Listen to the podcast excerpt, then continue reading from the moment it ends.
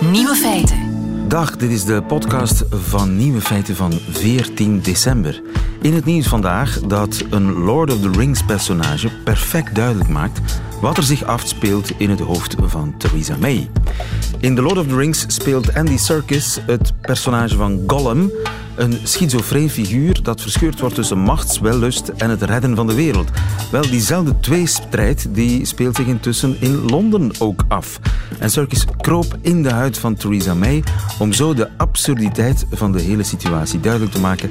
En hij hoopt dat er een tweede referendum komt. Prime Minister, you wanted a copy of your withdrawal agreement.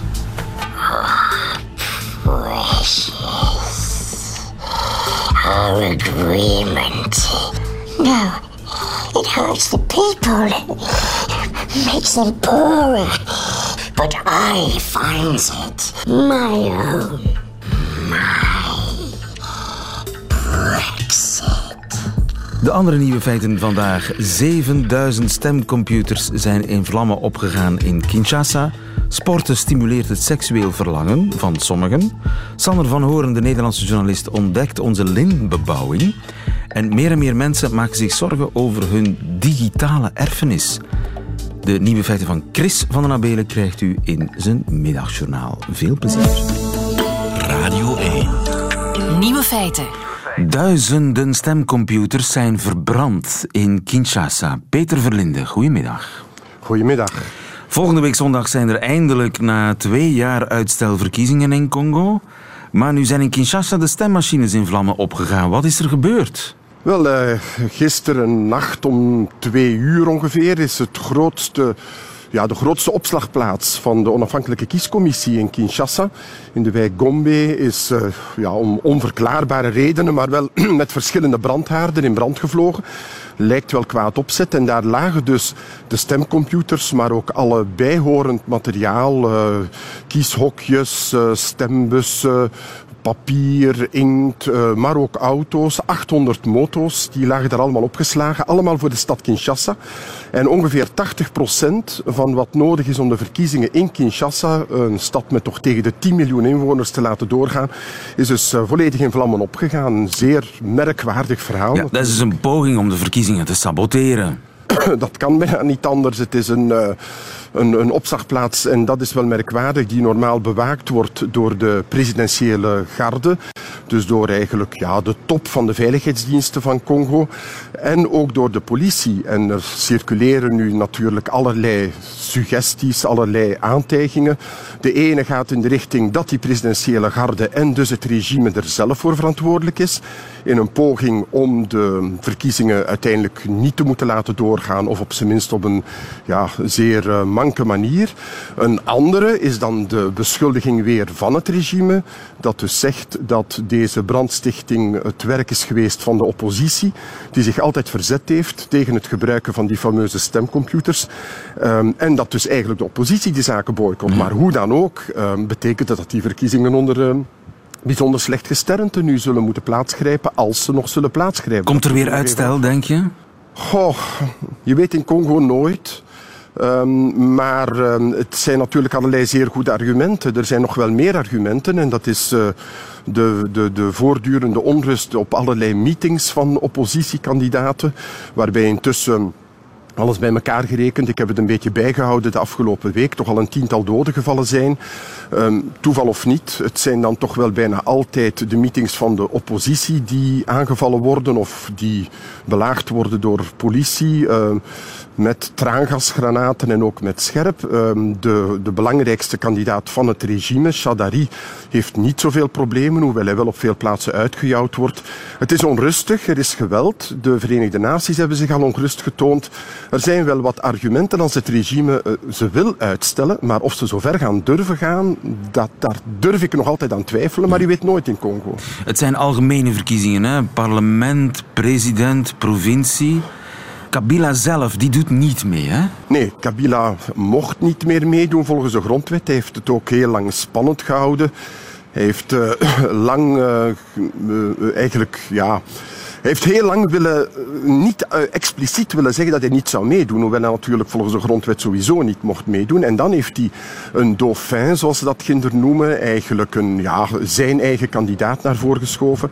Een relatief onbekende figuur, uh, Shadari Ramazani, dat is een vroegere minister van Binnenlandse Zaken, die overigens onder sancties van, de, van de Europese Unie valt, omdat hij verantwoordelijk geacht wordt voor zwaar geweld de afgelopen paar jaar um, op verschillende plaatsen in Congo in zijn functie van minister van Binnenlandse Zaken toen.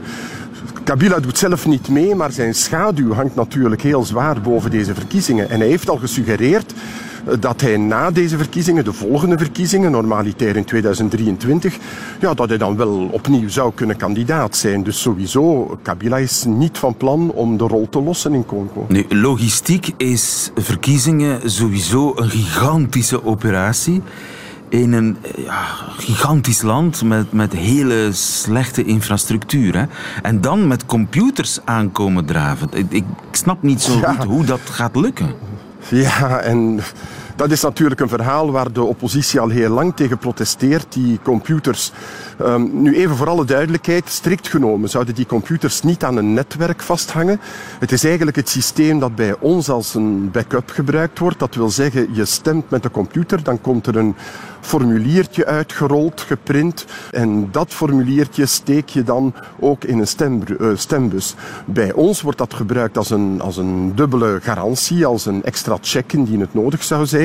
In Congo zouden dan die formuliertjes uh, geteld worden. Maar dat neemt nog niet weg dat het gaat over, uh, over de touchscreens, dus aanraakschermen. Um, wat zeker in het binnenland analfabete mensen, mensen die nooit met de computer te maken gehad hebben, moet dat iets heel vreemd zijn. En dan komt er natuurlijk nog eens bij dat op de meeste plaatsen in Congo er geen elektriciteit is. Dat wil zeggen, die um, computers die moeten op batterijen blijven draaien. Overigens zijn er ook zo'n 9000 van zo'n batterijen ook opgebrand gisteren. Um, en dan uh, heb je natuurlijk ook nog eens heel de vraag, wat ook gesuggereerd wordt uh, in, bij de oppositie, dat die computers zouden geprogrammeerd zijn om niet de gekozen kandidaat te, doen uitrollen, maar wel de kandidaat van Kabila, meneer Shadari. Het blijft natuurlijk een, een, een bijzonder merkwaardige aanpak, ook uniek in, in Afrika. En er zijn redenen genoeg om te veronderstellen dat dit allemaal te maken heeft met een hele machinatie van het regime om de verkiezingen naar hun hand te kunnen zetten. Als ze doorgaan, dat zullen we afwachten. Als Dank, ze doorgaan. Dankjewel Peter Verlinde, goedemiddag. Dag. Feiten. De ontdekking van België. Het is uh, een van de spannendste avonturen hem ooit overkomen. Sander van Horen, wat zou hij deze week hebben bijgeleerd over België? Het land waar hij correspondent voor is voor de Nederlandse televisie na een half leven als correspondent in Beirut. Sander, waar zit je? Uh, in het gebouw van de Europese Raad, dus wel in Brussel, maar eventjes in het Europese deel van Brussel. Want ik ben van de Marrakesh rechtstreeks doorgerold in de Brexit. En wat heb je deze week over ons land geleerd? Nou, dat ons land, of toch in elk geval onze premier, uh, grote bewondering heeft voor Charles Michel. Wisten we al wel, al wel dat een liefde is die uh, natuurlijk ook af en toe uh, wat deukjes kent, zoals een echte liefde. Hè? Ik bedoel, hij heeft België natuurlijk, Rutte heeft België op een gegeven moment geschoffeerd door over internationale bedrijven te zeggen dat we niet in de Sahara willen belanden, net zoals België. Dat was vrij vertaald ongeveer zijn quote. Nou, we willen toch geen Belgische toestanden? Had. Dat was de, Precies, ja, dat Belgische was toestanden. Ja. Bijna oorlog. En ik weet niet of hij dat gisteren nog steeds wilde goedmaken. Maar uh, jullie uh, Europese collega uh, van de VRT die vroeg naar natuurlijk de crisis waarin Charles Michel en zijn minderheidskabinet zich bevinden. En toen zei Rutte dat hij grote bewondering had voor Michel. Charles Michel is een van de beste premiers, en dat zeg ik uh, recht uit het hart. Een van de beste premiers die Europa op dit moment heeft. Een van de meest stabiele leiders. En ik wens hem het beste, maar ik ga geen adviezen geven. Dat zou arrogant zijn. Dat zou arrogant zijn. En arrogantie... Ja, ik dat... doe volgens mij ja. niet anders, helaas. waarvoor, waarvoor dank, Sander. Jij durft tenminste nog. Europese top betekent natuurlijk ook verkeershinder. Uh, maar uit een, een nieuw onderzoek blijkt dat de Belg al die files niet zo erg vindt. Wat vind je daarvan? Ja, het, het, het verbaast me uh, niet in die zin. Hè, want, want een van de eerste dingen die wij altijd uh, moeten leren van Belgen is dat die uh, de bakstenen op de maag hebben. Hè, dus ergens een huis bouwen in het groen. En dat doet iedereen. En dan worden steeds alle stukjes groen worden opgesnoept. En, en, ja, dan moet je dus niet alleen naar je werk met de auto, de, ochtendspits en de avondspits, maar alles moet op een gegeven moment met de auto gebeuren. En dat, ik, ik blijf dat fascinerend vinden. Uh, borderline irritant moet ik eigenlijk zeggen. Want je kunt in Vlaanderen bijna nergens uh, lopen, wandelen.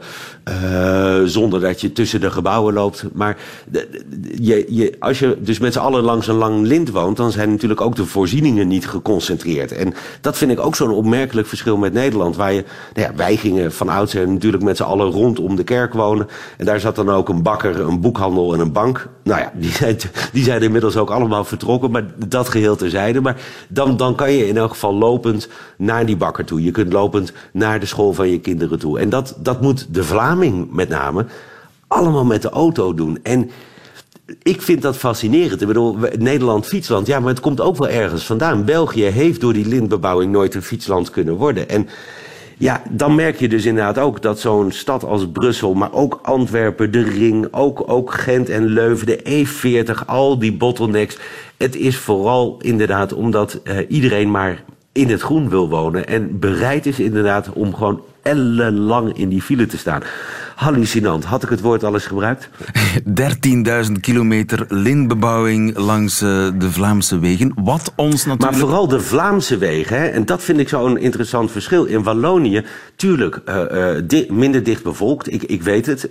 maar heb je dat dus wel veel minder, die lintbebouwing. Dus het is dan met name de Vlaming met zijn salariswagen. Het cijfer was van een van deze weken dat er in de provincie Antwerpen meer salaris salariswagens rondrijden dan in heel Wallonië bij elkaar. Nou, dat geeft het al een beetje aan. Ik bedoel, het maakt niet uit, want die auto, dat transport, uh, dat is gratis. Dat vervuilt, dat zorgt inderdaad voor de files. Maar ja, het is wel gratis. Ja. En ik merk het bij mezelf ook, en jij ongetwijfeld ook. De, die individuele afweging die is enorm moeilijk te beïnvloeden. Als jij inderdaad nu door de kou, het begon net een beetje te sneeuwen zelfs, uh, meer dan een kilometer ver weg moet. Ja, dan pak je die auto, zeker als die gratis is. Vooral duidelijkheid, ik heb geen gratis auto. auto. Of toch in elk geval okay. geen uh, bedrijfswagen. Wat ons... Uh... Ik ben je dankbaar, lieve, want nu kan ik tegen vrienden zeggen dat ik een Vlaming ken zonder auto. Ja, zeer. Ik heb wel een auto, maar geen uh, bedrijfswagen. En die auto die, ja, die staat meer stil dan, dan hij rijdt. Nu, wat ons... Trouwens, ik, ja? ik, zat nog even, ik zat nog verder te denken. De reden dat wij in Nederland even zo goed heel veel files hebben... en dat er even zo goed heel veel woon-werkverkeer is... en geaccepteerd wordt. Hè. Ook in Nederland accepteren wij, um, en daar zijn we niks anders dan Vlamingen, dat we heel erg lang in die file staan. Maar bij ons heeft het een, denk ik toch een andere reden. Wij zijn uiteindelijk redelijk honkvast. Dus als ik in Amsterdam op een gegeven moment een huis heb, uh, een baan heb, uh, een school voor mijn kinderen en ik ga zoeken naar een nieuwe job. Hoor je hem, job trouwens, maar even los. Ik ga zoeken naar een nieuwe job. Dan zoek ik eigenlijk in het hele land. Ik zoek niet uh, in een straal rondom mijn woning. Ik zoek in het hele land. Dus als ik op een gegeven moment in Apeldoorn een baan vind, dan ga ik die accepteren. Maar ik ga niet verhuizen. Want ik heb mijn leventje, mijn vrienden. Ik, dat, dat heb ik in Amsterdam. Ja. En op dat moment accepteert dus ook de Nederlander die ellenlange files. Maar dat is dus om een andere reden. De uitkomst is helaas hetzelfde. De uitkomst is helaas hetzelfde. En honkvastheid is iets wat ons kennelijk deelt. Wat ons naadloos bij de woordentest brengt. Want Sander, mag ik je vragen, hoe vaak rijd jij in de zomer je pelouse af? ik denk wel een keer of drie. Oh, je hebt een pelouse dus? Ik heb geen flauw idee. een pelouse is een, een, ja, een grasperk. Oké, okay. nou in dat geval uh, probeer ik dat één keer per week te doen. Want ik heb er wel degelijk eentje. En als het er heel mooi erbij, heel schoon erbij ligt... dan noemen wij dat een gazon. Een gazon, inderdaad, dat is ook een gazon. En zou jij gelukkig kunnen zijn in een verkaveling? Um, ja, ik wel. Ja. Je weet dus ja, wat een verkaveling is. Ja, dat is de, de verkaveling is, is juist waardoor je in je stukje groen uh, woont uh, en, en uh, elke dag lang in de file staat. Ja, maar niet in. Dat is een, geen lintbebouwing, maar een verkaveling. Een verkaveling. Nee, dan. Verkaveling bij ons in Nederland heb je in, in het kader van de landbouw gehad. Dat eh, stukken land, kleine stukjes land die hier in België nog wel zijn, bij elkaar werden gevoegd. eh, tot grote stukken landbouwgrond. Eh, Ja, dat is maar ruilverkaveling. Heet, de ruilverkaveling heet dat. Maar een verkaveling is eh, wat ze in Nederland een Vinexwijk noemen, denk ik. Oh ja, ja. Ja, nou ja, mijn antwoord blijft ja, want ik ben Hollander. Dus eh, dat accepteer ik. Dat ik inderdaad met allemaal mensen met dezelfde leeftijd, met hetzelfde inkomensprofiel, met dezelfde soort auto voor de deur in een soort eenheidsworst woon. Ja, dat is wel iets Nederlanders. Ja, ja, ja. En versta je intussen een beetje verkavelings-Vlaams? Eh, ik betwijfel het. want, want wat is verkavelings-Vlaams? Verkavelings-Vlaams is denk ik dan een dialect wat alleen maar op één plek gesproken wordt. Nee, nee, nee, nee, nee. nee. Verkavelings-Vlaams, de term is bedacht door een schrijver een jaar of twintig geleden, dertig misschien al, ehm, Geert van Istendaal. Die bedacht die term verkavelings-Vlaams voor ja, tussentaal. Tussen, Tussen- ah, dialect ja, ja. en algemeen Nederlands. Hoe noemde jij? Ik noem Jan. Dat is verkavelings-Vlaams. Ja, ja. En dat dat de norm wordt ook tegenwoordig. Hè? Ja, dat is wat dat je, dus in soapseries eh, Ja. hoort. eh, in thuis, familie, op televisie. Daar spreken ze tussentaal, verkavelingsvlaams. Dat spreken ze ook Ja. vaak in de veranda, bijvoorbeeld. Ja, het Hoog-Vlaams, heb ik me laten vertellen, wordt alleen maar tussen 12 en 1 's middags op Radio 1 gesproken. Maar eh, zit jij vaak in de veranda? Ehm, ja, een veranda is. Oh, volgens mij heb je die al een keer gevraagd. En toen kwamen we erop of dat dan inderdaad een uitbouwsel aan je huis is. Juist! Niet. Goed Ja, onthouden. ja, goed onthouden. In Nederland heet dat een, mee. wat heet het? In Nederland een serre. Eh, als hij dicht is, ja. Als hij open is, noemen we het ook een veranda. Ja, een serre, dat eh, hebben wij, maar dat is echt waar je druiven in kweekt. Waar je, een, eh, waar je Ja. in gaat zitten, dat heet de veranda. Ik wens Ja, jou van... wat bij ons, waar je druiven in kweekt, dat heet bij ons gewoon een kas. Een kas. Oké, en zo leren wij elkaar verstaan in de loop der jaren. Tot de volgende week. Yes. Sander van Horen, goedemiddag. Tot volgende week. Radio 1. Altijd benieuwd. Nieuwe feiten. Babette, je bent eh, hoofdredacteur van Nieuwe Feiten. eh, waarvoor van harte gefeliciteerd en waarvoor dank. Maar je hebt misschien zelf een nieuw feit ontdekt. Babette, wat is er aan de hand? Wel, ik ben sinds een aantal maanden opnieuw wat intensiever aan het sporten. Ik ga twee keer per week spinnen, heet dat. Dat is ja, eigenlijk basically in groep afzien op een fiets, een uur lang. Eh, klimmen, dalen, snel, traag fietsen, in alle mogelijke posities. Ook uit het zadel, in het zadel, met je poep naar achter. Je kunt het zo gek niet bedenken of Spinnen, wij doen ja. dat op een fiets. Zo'n sportnatie die commando's brult. Ja, hè? inderdaad. Dat ook. Dat hoort er ook wel echt bij. En dus het resultaat van die sport is nadien, je bent volledig leeg, Ja. kapot, op, Nat, nat, zweterig. zweterig, totaal onaantrekkelijk, maar in mijn geval ook echt, maar echt botergeil. Als in, Maar ik wil toch? na die sport meteen nu seks. Hier en nu. En dat is elke keer opnieuw. En ik heb me al afgevraagd, heeft het te maken met het feit dat het misschien toch, dat ik iets seksueel voel voor mijn lerares? Dat is niet zo, gelukkig. Eh, ook niet voor mijn medespinners. Dus ik denk, ja, heeft het iets te maken met die inspanning? Bestaat er zoiets als inspanningsgeilheid? Bestaat er zoiets als inspanningsgeilheid? Ik zie onze technicus Michel met rode oren luisteren. Ook hij is heel nieuwsgierig. Joke Puipen, goedemiddag. Goedemiddag, lieven en Babette. Joke Puipen, jij bent inspanningsfysiologe aan de Thomas More Hogeschool. Ja, ik werk voor de opleiding Sport en Bewegen. Dan zitten we bij jou helemaal aan het goede adres. Inspanningsgeilheid, mag ik dat zo noemen? Bestaat dat? Is dat een ding? Wel, eh, of lichaamsbeweging leidt tot een toename eigenlijk van het seksueel verlangen, dat is eigenlijk voornamelijk een individuele aangelegenheid. Hè. Maar het valt wel perfect fysiologisch te verklaren. Ehm, afhankelijk van, van hoe je lichaam reageert op inspanning en met name hoe een aantal fysiologische parameters veranderen door de inspanning, zul je een groter seksueel verlangen ervaren, al dan niet.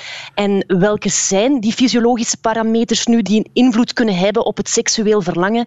Wel, dat is in eerste instantie eigenlijk um, training kan leiden, uh, voornamelijk krachttraining, voornamelijk training waarbij verschillende spiergroepen aan bod komen, kan leiden tot een geringe toename van het geslachtshormoon testosteron. En testosteron is eigenlijk een hormoon dat voornamelijk bij mannen voorkomt, maar ook in kleine mate bij vrouwen. En het is zowel bij mannen als bij vrouwen de factor die bepalend is voor onze zin in seks. En, en bij dus mannen ook... uh, na een, een spinningsessie is er een lichte toename van dat hormoon? Ja, maar opnieuw individueel bepaald. Dus het zou kunnen, Babette, dat jij na uh, het spinnen of na het uitvoeren van andere uh, vormen van beweging, dat je daarbij een kleine toename hebt van testosteron die jouw libido stimuleert. Wat ik persoonlijk denk, bij fietsen, bij spinnen, bij paardrijden, ja, bewegen zorgt sowieso voor een toename van je bloeddoorstroming, inclusief eigenlijk de bloeddoorstroming naar je genitaliën. Dus dat zou leiden tot een grotere sensitiviteit van je clitoris bijvoorbeeld, zeker bij sporten zoals fietsen, waarbij er in die zone meer wrijving is. En ik denk dat daar sowieso ook een, uh, een rol weggelegd is. Um, en hoe lang duurt dat effect? Ha, um, dat effect, afhankelijk ook een beetje natuurlijk van uh, of je ze inlost of niet. Hè. Uh, het is... het kan natuurlijk iets zijn. Um, het feit dat je zelf al bijvoorbeeld uh, de opgewondenheid in vraag stelt, hè, dat je ermee bezig bent, dat je denkt, is dit normaal al dan niet? Ik kan natuurlijk wel maken dat je er ook s'nachts over droomt, of dat, je er, hè, dat, je, oh, dat het een Babette beetje op het ja. Is dat, zo, Babette? Dat herken ik enorm. Als ik ben gaan spinnen, ik slaap heel goed en ik droom altijd over seks. Zonder ah ja, fout. Voilà. Ja. Maar het is, heb, hebt u dan het seksueel verlangen ingelost of niet? nee. Die worden wel heel persoonlijk. Ja, nee. ik ben single, Joke, dus... ja. Okay. Het kan ook op een individuele manier natuurlijk. Maar, uh, dat kan ook op een individuele manier, ja, Babette. Ja. en jij noteert uh, vlijtig.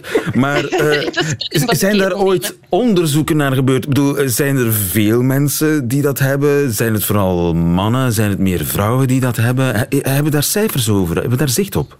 Ja, en wel, het komt eigenlijk vaker bij mannen voor, hè, omdat mannen ook iets meer testosteron hebben. Naast die testosteron spelen ook nog andere hormonen een rol. Hè. Dat zijn dan endorfines, hè, dat zijn de lichaams-eigen morfines die zorgen voor geluk en euforie en voor de runners high. En je hebt dan adrenaline en dopamine en oxytocine, hè, dat is het sekshormoon. Die nemen allemaal toe door lichaamsbeweging. Hè. Maar het weer afhankelijk van de mate waarin het toeneemt, um, heeft het dus een groter effect op je libido. Het komt dus vaker voor bij mannen. Hè er is een geweest, bijvoorbeeld in een Brits onderzoek, bij zo'n 1500 deelnemers, 50% man, 50% vrouw. En algemeen gezien had bij hardlopen, dus het is niet fietsen, maar echt lopen, had 68% meer zin in seks na een rondje lopen. 68 uh, op de 100? 68. Ja, 68 procent van de 1500 deelnemers eigenlijk. Hè. Bij de mannen? Uh, nee, mannen vrouwen gemengd. Oh ja. Um, ik was eigenlijk ook zelf geboeid door jullie vraag en ik ben meteen uh, een steekproef gaan doen bij onze studenten. Ik heb een uh, anonieme bevraging gedaan tijdens de les fysiologie. Echt Daar was het nog op wel onze vraag? Ja, jullie Geweldig. vraag. Ik heb een ja, ik heb meteen meegedeeld dat het de meest vreemde vraag zou zijn die ze in een opleiding zouden krijgen. Um, en ja, onze, onze studentenpopulatie is natuurlijk voornamelijk mannelijk. Hè. We zitten met 75% mannen. Um, en 50% van die mannen gaf aan inderdaad meer zin te hebben in seks na het bewegen. En slechts 20% van onze dames gaf dat aan. Ah, dus Ja. het is echt iets mannelijks. Ik denk ook... Volgens ja, die eerste anonieme steekproef in de Ja. Thomas More Hogeschool op vraag van Nieuwe Feiten. Ja, alles voor de wetenschap natuurlijk. Maar eh, we, we kunnen besluiten dat het bestaat. Het bestaat. Het is dus zeker niet iets eh, om je zorgen over te maken, Babette. Babette is helemaal gerustgesteld en wij weten weer heel wat meer. Dankjewel Joke Pijpen van de Thomas More Hogeschool. Goedemiddag. Graag gedaan. Dag. Nieuwe feiten. Wat er na uw dood gebeurt met uw digitale erfenis, heeft u daar al eens over nagedacht? Chantal van der Velde, goedemiddag. Goedemiddag. Chantal, je hebt van die vraag je beroep gemaakt. Wat doen jullie precies met Closure? Ja, dat klopt. Ja, we hebben een eh, online platform voor nabestaanden om alle abonnementen, contracten en accounts na een overlijden op te zeggen. En hoe Dus ben je op dat idee gekomen? Ehm, nou, we hebben, eh, zoals, jullie, ja, zoals veel mensen wel weten, op Facebook krijg je regelmatig eh, berichten van mensen die, waar je mee bevriend bent of eh, dat iemand jarig is. En zo ook nou, bijvoorbeeld met mensen in onze omgeving. En mijn oma was bijvoorbeeld nog steeds actief, of, ja, actief op Facebook. En wij ja, kregen continu berichten over haar verjaardag.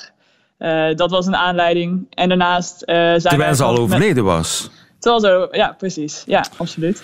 Nu, en, uh, mijn digitale erfenis, als ik daar zo eens bij stilsta, wat ik niet zo vaak doe, uh, ja, dat groeit, hè? dat is best groot. Uh, je hebt Facebook, je hebt Twitter, Instagram, wat heb je nog allemaal? Spotify, WhatsApp, ja. al die gesprekken op WhatsApp, iCloud, mijn foto's staan daar, Google ja. Drive.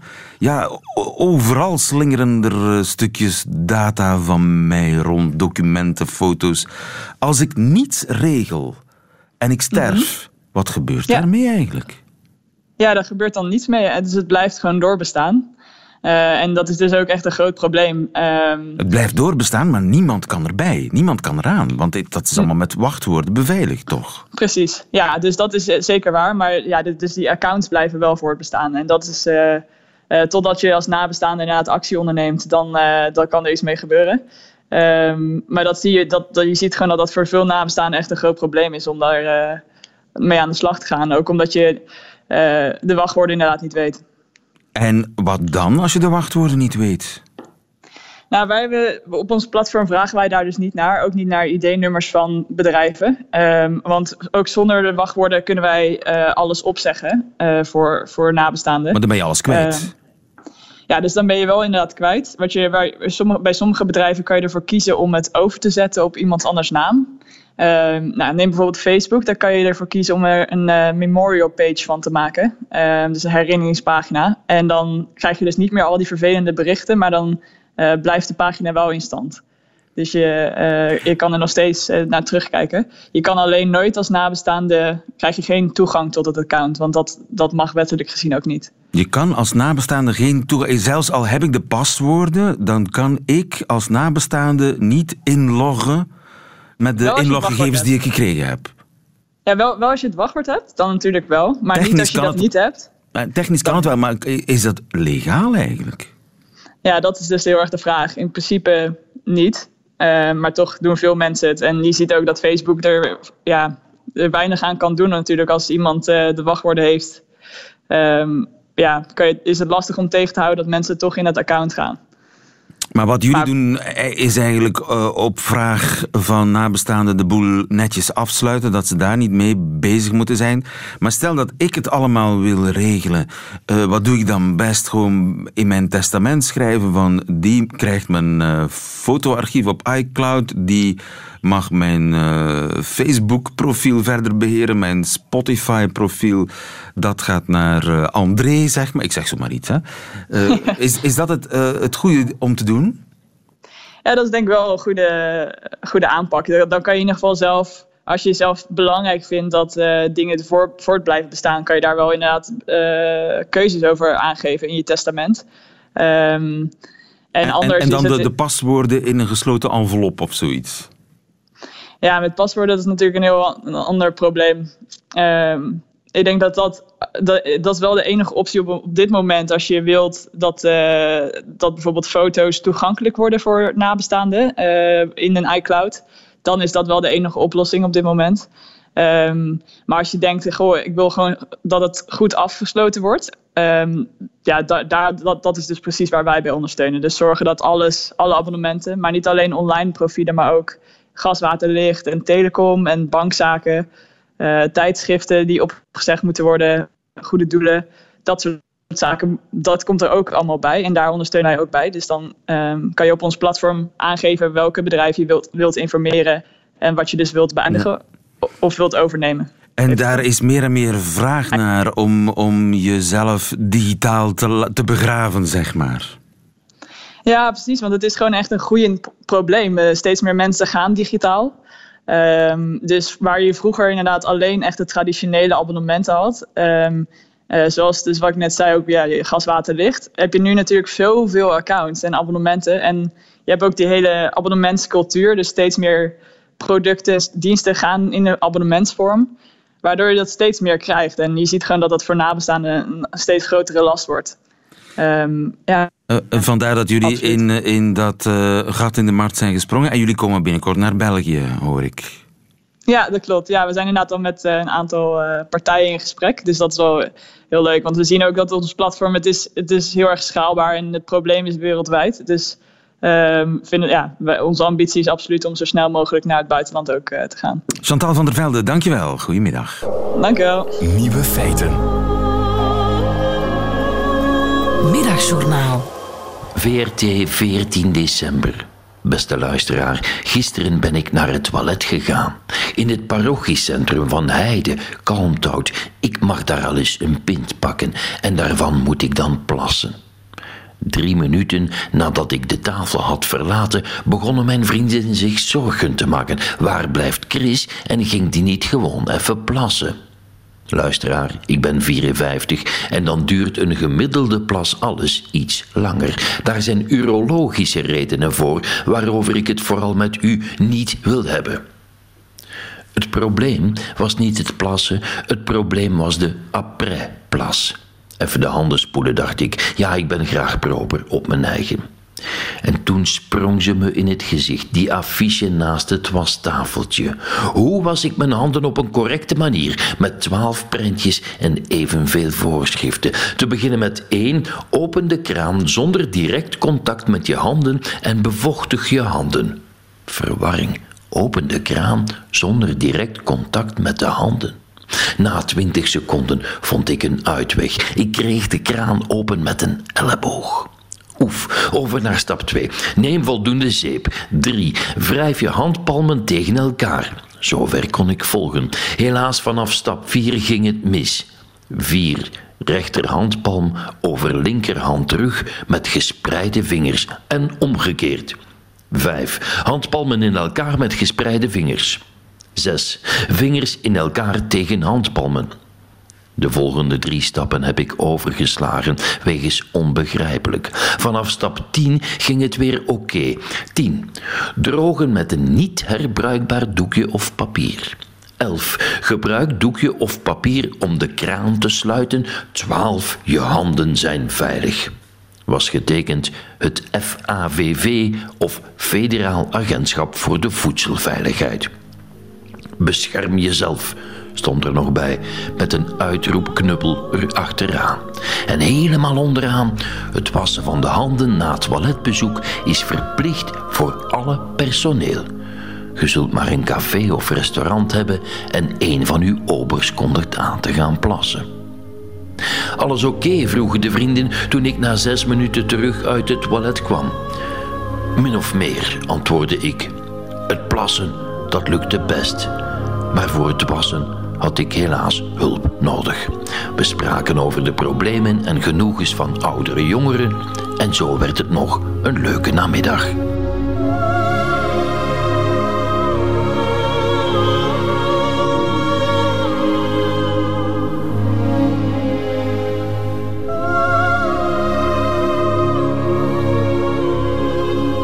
Het Middagjournaal met Chris van den Abelen. Einde van deze podcast. U vindt er nog veel meer op radio1.be en op alle gebruikelijke podcastkanalen. Tot volgende keer.